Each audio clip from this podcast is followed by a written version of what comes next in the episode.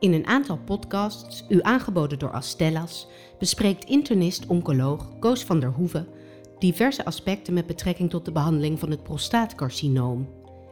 In deze podcast spreekt hij met radiotherapeut Robert-Jan Smeenk uit het Radboud UMC te Nijmegen over de lokale radiotherapeutische behandeling van prostaatkanker.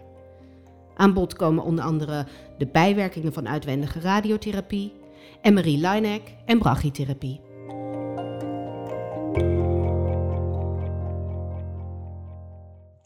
Podcast over prostaatcarcinoom. Uh, een hele aantal, tien in totaal. En bij deze podcast ga ik praten met dokter Robert Jan Smink. Hij is radiotherapeut in het Radboud UMC. En zijn aandachtsgebied is met name de urologische oncologie. Welkom uh, Robert Jan. Dankjewel Koos, goedemorgen. Het zal niet verbazen dat ik speciaal ga praten over de lokale behandeling van het prostaatcarcinoom. In Nederland hebben we jaarlijks ongeveer 12.000 nieuwe patiënten met prostaatkanker.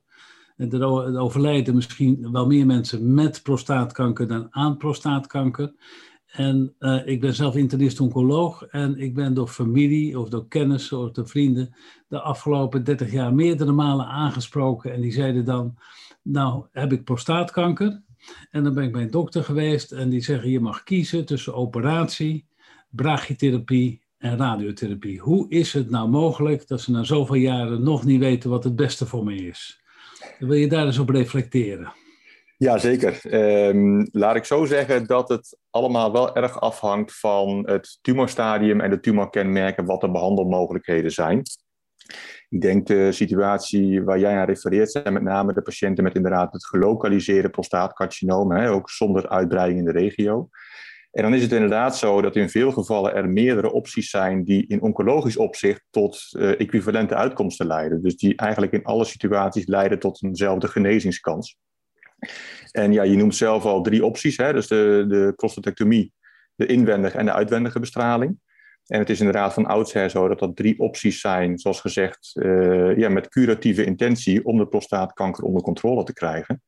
Um, en wanneer het bij iemand zo is dat hij echt alle opties heeft, ja, dan kan het heel goed zijn dat er bepaalde persoonlijke voorkeuren de doorslag geven voor welke behandeling iemand kiest. Ja. Want de verschillen zitten dus in de uitvoering vooral. Hè, wat voor type behandeling is het? En in de potentiële bijwerking. Ja.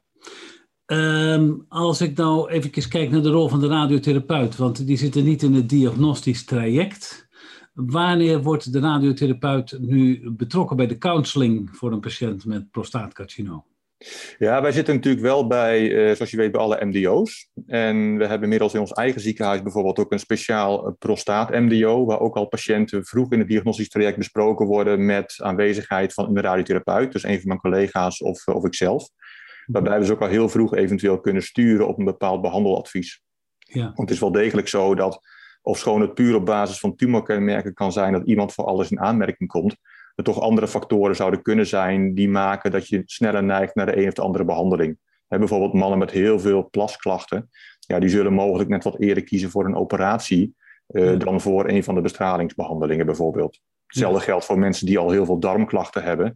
Daarbij zullen we als het enigszins mogelijk is misschien net iets sneller sturen op een operatie. Ja, ja. Als jij dan voor, voor de uitwendige radiotherapie uh, mag spreken, wat, wat is dan de groep die daar eigenlijk het meeste voordeel van heeft? Nou, laat ik zo zeggen dat in principe, kijk, uitwendige radiotherapie kan eigenlijk bij alle patiënten. Dat maakt het in zoverre wel eenvoudig. Uh, dus zeker ook bij de patiënten die lokaal uitgebreidere ziekte hebben.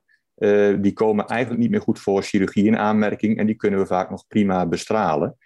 Um, als je het hebt over de meer uh, beginstadia, hè, dus waarbij in principe alle behandelingen mogelijk zijn, ja, dan kan het in feite bij, eh, laten we zeggen, bij alle patiënten. En dat bespreken we ook gewoon met ze. En je kunt je waarschijnlijk voorstellen dat sommige mensen het idee van een operatie helemaal niets vinden. Ja, die zullen sneller kiezen voor uitwendige bestraling. Maar er zijn ook mensen die zeggen van ja, ik vind het een heel vervelend idee dat mijn prostaat er nog in zit. Ja. Uh, en die zullen wat sneller voor een operatieve ingreep kiezen. Ja. Dus die nuanceringen die zijn er, maar in feite bestaan er nog steeds situaties waarin in principe de drie mogelijkheden allebei even goed voor een patiënt kunnen zijn. Precies, en, en in die situaties bieden we ook altijd aan om die patiënt een keer te spreken. Hè? Dus ook inderdaad om echt uh, actieve counseling te doen. Uh, vaak vragen mensen er zelf ook om, om een, uh, om een, een mening van de radiotherapeut te horen. Ja. En dan bespreken we dat met zo'n patiënt en, en zijn naasten. ik wilde even echt alleen op de radiotherapie focussen. Wat zijn nu de belangrijkste korte termijn en lange termijn bijwerkingen van de radiotherapie, de uitwendige radiotherapie?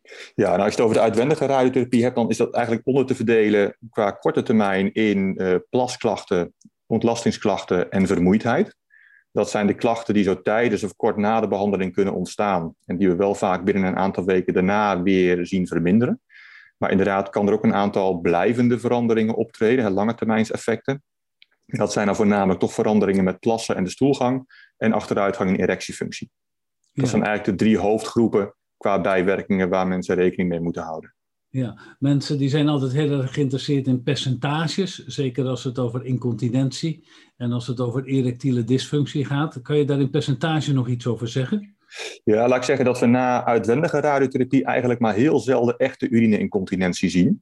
Uh, dat zie je na een operatie bijvoorbeeld wat meer. Uh, wat we wel zien is dat mensen zogeheten urgency klachten hebben. Hè? Dus een snelle aandrang. Ja, en daardoor soms wel eens net te laat zijn en een druppel kunnen verliezen. Ja. Uh, dat zien we wel eens een keer. Maar echte incontinentie zien we dus eigenlijk na bestraling maar heel zelden. Um, en ja, voor wat betreft erectiele dysfunctie geldt een beetje hetzelfde. Dat zien we wel degelijk. In, ja, de percentages lopen een beetje uiteen van, van 30, 40 procent. Maar hangen ook af van hoe iemands erectiefunctie van tevoren is. Ja. Dat hangen ook af van of er wel of niet hormoontherapie bijgegeven wordt, bijvoorbeeld. Ja. En ja, niet alle dysfunctie hoeft volledige impotentie te betekenen. Hè? Dus je hebt natuurlijk daar ook gradaties in. Ja. En soms is het met medicatie nog, nog goed te ondersteunen, bijvoorbeeld. Ja, ja.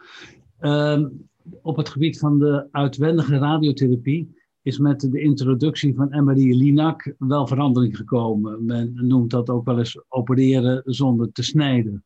Kan je nog eens zeggen wat de, door de introductie van MRI Linac nou precies veranderd is?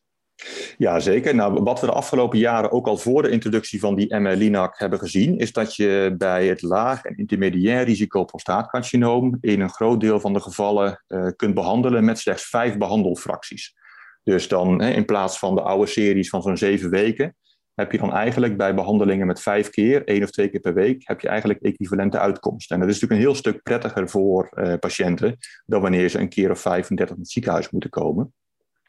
Nou, en wat eigenlijk van oudsher de, de, de methode van behandeling bij radiotherapie is, is dat we eigenlijk van tevoren een bestralingsplan van een patiënt maken op basis van een CT en een MRI-scan. En dat bestralingsplan wordt eigenlijk elke dag afgestraald op ons reguliere bestralingstoestel. Dan worden er röntgenfoto's of CT-scans gemaakt om te kijken of die patiënt in dezelfde positie ligt als waarin we de planning gedaan hebben. En zo niet, dan kunnen we die patiënt een klein beetje verplaatsen. Maar we stralen wel elke dag hetzelfde plan af. Nou, de winst van de MR-Linac zit hem erin dat we eigenlijk elke dag een nieuwe MRI-scan van zo'n patiënt maken. En op basis van de dagelijkse positie van de prostaat en de dagelijkse eh, anatomie van bijvoorbeeld de darm en de blaas, elke dag een nieuw geadapteerd bestralingsplan maken, wat we gebruiken voor de bestraling van die dag. En dan kun je je voorstellen, als er toevallig net een darmlis wat meer in de buurt van de prostaat ligt, dan kun je daar met die dagelijkse planning rekening mee houden. En zodoende uiteindelijk dus hopelijk de bijwerkingen beperken. En dat, dat maakt uh, dat je per uh, fractie een hogere dosis kan geven. Ja, je kunt dat in feite ook wel doen met een uh, eh, CT-gebaseerd toestel. Uh, alleen wat je dan zult moeten doen is dat je hè, van tevoren goudmarkers bijvoorbeeld inbrengt in de prostaat. Wat eigenlijk de standaard is bij, uh, bij de standaardbehandelingen. Ja. En dat hoeft bij zo'n MRI-Linac bijvoorbeeld niet.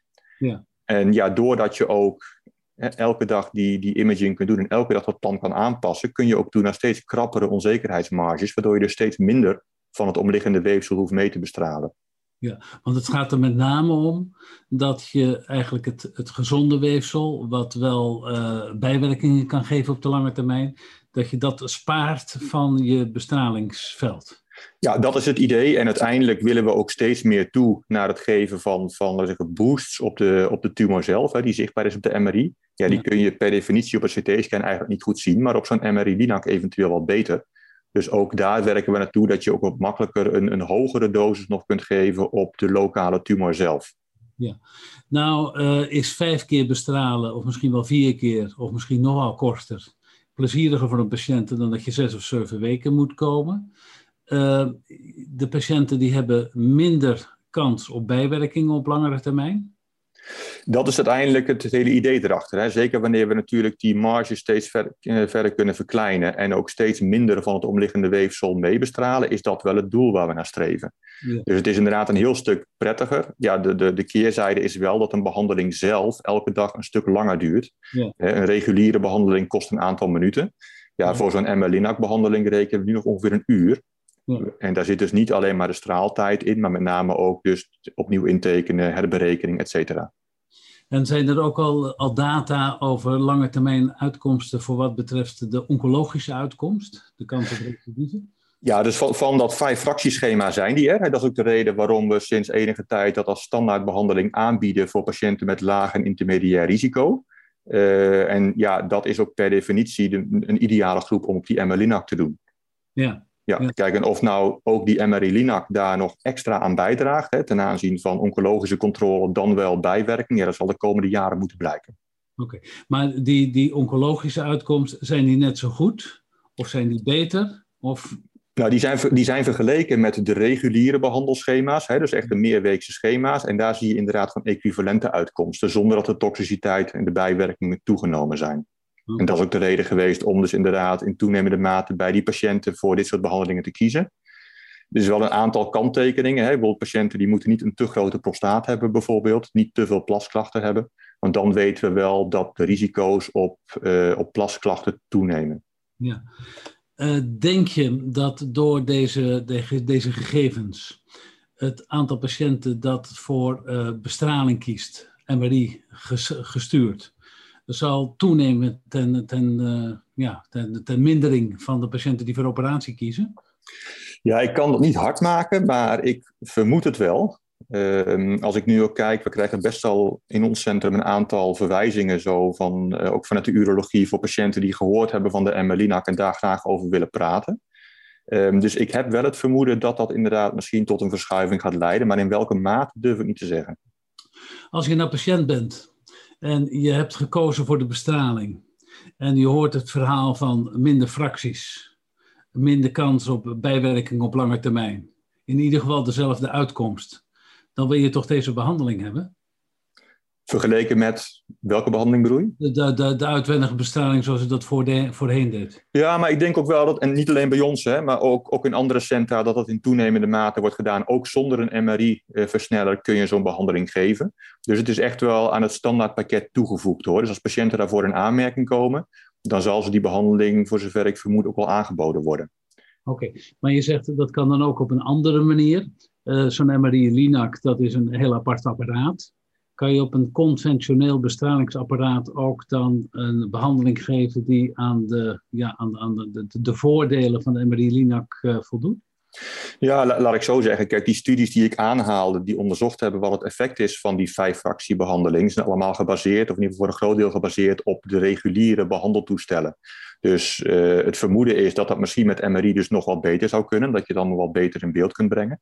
Maar het is zeker niet zo dat je zonder een MRI-versneller niet zo'n behandeling kunt geven. Want er zijn ook andere manieren hè, om die prostaat zo nauwkeurig mogelijk te bestralen. Ik heb al even de goudmarkers laten vallen. Ja, er zijn allerlei andere hulpmiddelen in de vorm van, van spacers, ballonnen, noem maar op.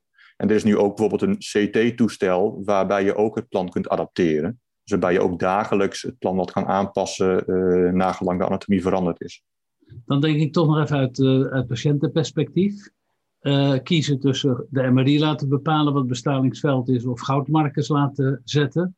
Dan, dan, dan, denk ik dat veel patiënten zeggen, doe maar een MRI. Of is dat niet zo? Uh, nou, dat denk ik wel. Uh, het is natuurlijk een, een, minder invasieve behandeling. Dus wat dat betreft is dat wel een, een groot voordeel. Dat je niet die markers hoeft laten plaatsen. Ja. Bij deze aanpassingen van de radiotherapie, blijft er dan nog een plaats voor de brachytherapie? Um, nou, ik denk het wel. In, in geselecteerde centra, dat geldt nu ook al zo. Hè? Dus het is eigenlijk gecentraliseerd. Dus niet iedereen biedt de brachytherapie aan. Ook omdat uh, dat je daarbij gewoon een, een belangrijke leercurve hebt waar je doorheen moet. Maar er is een aantal centra in Nederland dat nog steeds veel brachytherapie uitvoert en dat ook prima doet, denk ik. En ja, ik denk dat dat gewoon, hè, dat die gewoon een extra uh, keuzemogelijkheid is geworden die je kunt toevoegen bij patiënten met een beginstadium prostaatcarcinoom. En er zullen misschien nog steeds mensen zijn die kiezen voor die brachytherapiebehandeling. Want als je voor die brachytherapie zou kiezen, dus als je de patiënten daarvoor counselt, wat noem je dan als voordelen? Nou ja, kijk, in feite is dat natuurlijk een, een eenmalige ingreep. Hè? Dus die, eh, de bronnen worden ingebracht en die geven over een langere periode hun lokale bestraling af. Uh, ja, er zit nog een kleine variatie in, in bijvoorbeeld het bijwerkingenprofiel. Hè? Dus wat ik altijd tegen patiënten zeg, en we bieden vaak ook zo'n keuzehulp aan, is dat bij eigenlijk alle drie de behandelingen, dus de, de operatie en de beide bestralingstechnieken, heb je gewoon een, een soort trias aan bijwerkingen. Dus, dus ontlasting, plassen en erectiestoornissen. Alleen de percentages liggen per uh, modaliteit net een beetje anders. Ja. En je kunt je voorstellen dat voor bepaalde patiënten hè, bijvoorbeeld erectiefunctie heel belangrijk is en voor andere uh, darmklachten. Dus ook dat kan uh, persoonlijk de doorslag geven voor mensen om voor het ene of voor het ander te kiezen. Ja, ja. Um, is er een plaats voor de MRI-Linac uh, als, als een soort rescue nadat patiënten eerder geopereerd zijn geweest en toch een lokaal recidief krijgen? Ja, nou, dat laatste wat je toevoegt is denk ik essentieel. In geval van echt een lokaal recidief zijn we tot op heden uh, geneigd om de hele prostaatloge te behandelen. Dus een wat groter gebied voor microscopische ziekten mee te behandelen. Um, en dan even een boost te geven op de afwijking die je kunt zien. Alleen daarbij, bij lokale recidieven, ja, zijn we nog niet standaard geneigd om die extreme hypofractionering te geven. Dus laten we zeggen echt een klein aantal fracties. Ja. Maar wat wel kan, hè, want het kan natuurlijk ook voorkomen dat patiënten geen lokaal recidief krijgen, maar bijvoorbeeld een lymfeklierrecidief. Dat is prima met de MR-Linac te behandelen. Als iemand een, een solitaire kliermetastase heeft in het bekken, dan bestaan we die ook met regelmaat. En daarvoor is de MR-Linac een uitstekend apparaat. Maar dat kan in bepaalde gevallen ook op een CT-gebaseerd toestel. Ja, ja. Je ziet dat um, als er zo'n nieuwe uh, mogelijkheid komt, de MRI-Linac, dat de neiging bestaat, ik wil ook zo'n nieuw toestel hebben. Ik wil mm. alles in huis hebben, zoals dat ook met de robotchirurgie gegaan is. Hoe sta jij daar tegenover? Nou, ik, ik denk dat je, je kunt het apparaat wel aanschaffen, maar dan ben je er niet. Hè. Je hebt ook een heleboel know-how nodig, onder andere van de fysische ondersteuning, maar zeker ook ondersteuning vanuit de afdeling radiologie.